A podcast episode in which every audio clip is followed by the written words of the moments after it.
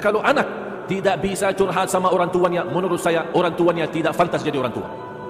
Kalau anak tidak bisa merasa nyaman sama orang tuanya, berarti dia tidak bisa jadi imam yang baik untuk anaknya. Kalau anak sudah ketakutan sama orang tuanya, wallahi dia bakal curhat di luar. Bisa terbuka aib rumah di luar, gara-gara cara kita di dalam rumah. Akhirnya apa? Jatuhnya di tangan orang yang buruk, orang yang jahat, salah arahkan, akhirnya menjadi anak kita yang tidak saleh. Baru kita nyesal kalau sudah mendengar berita-berita perilaku anak kita. Itu dosa siapa? Dosa kita. Tetap tanggung jawab kita. Anak kita apa lagi di zaman sekarang? Mohon maaf Bapak Ibu, zaman sekarang ini banyak luar biasa godaan fitnah.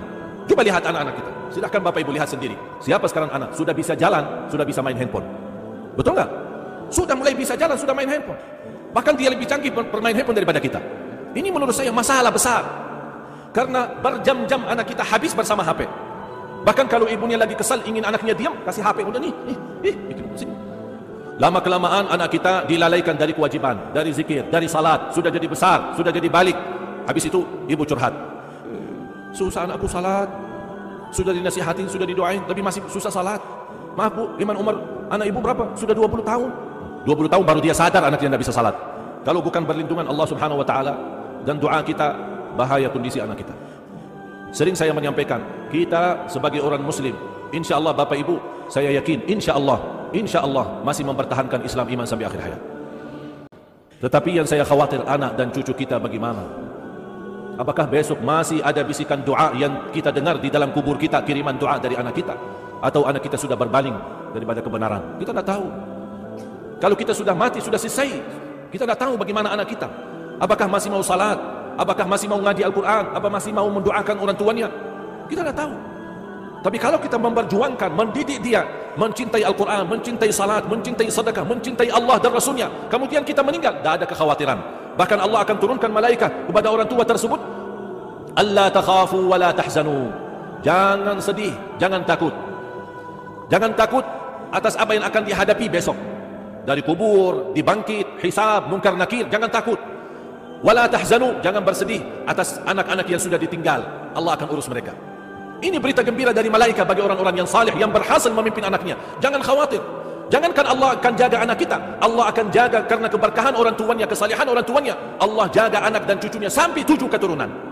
Jangankan satu anak, sampai tujuh keturunan. Dan itulah buktinya di suratul kahfi. Wa ammal jidaru fakana li ghulamaini yatimaini fil madinah wa kana tahtahu kanzul lahuma wa kana abuhuma salihah. Mereka bisa menemukan harta, bisa menemukan warisan yang selama ini tertinggal, kehilangan warisan mereka. Allah berjuangkan, Allah mudahkan sampai bisa mereka menemukan warisannya. Itu berkat siapa? Kakek yang ketujuh.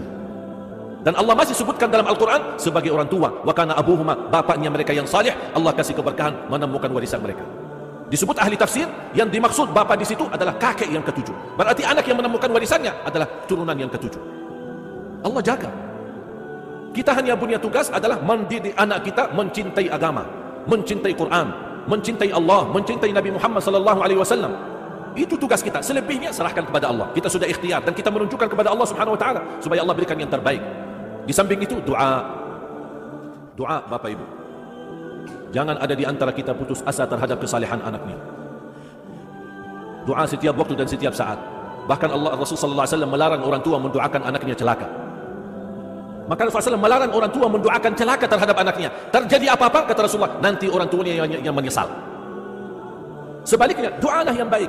Ya Allah kasih petunjuk. Ya Allah lindungi anakku. Ya Allah berikan hidayah. Ya Allah jauhkan dari lingkungan yang tidak baik. Ya Allah lindungi dari kejahatan manusia, dari keburukan dunia.